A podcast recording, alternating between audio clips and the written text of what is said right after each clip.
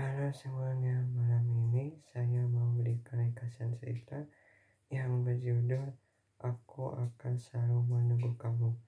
Langsung saja ke ringkasan ceritanya. Meskipun saat ini aku tidak ada harapan untuk berjumpa dengannya. Setiap orang pasti mempunyai rasa kesal, malah dan berusaha menghindar dari seorang tersebut. Padahal hati udah sayang padanya, ya bagaimana lagi, udah terlanjur. Mau kembali ke masa itu tidak bisa lagi, kecuali punya mesin waktu. Sayangnya hal tersebut gak ada di dunia ini. Mesin waktu hanya ada di dunia fiksi. Itulah ringkasan cerita yang berjudul Aku akan selalu menunggu kamu.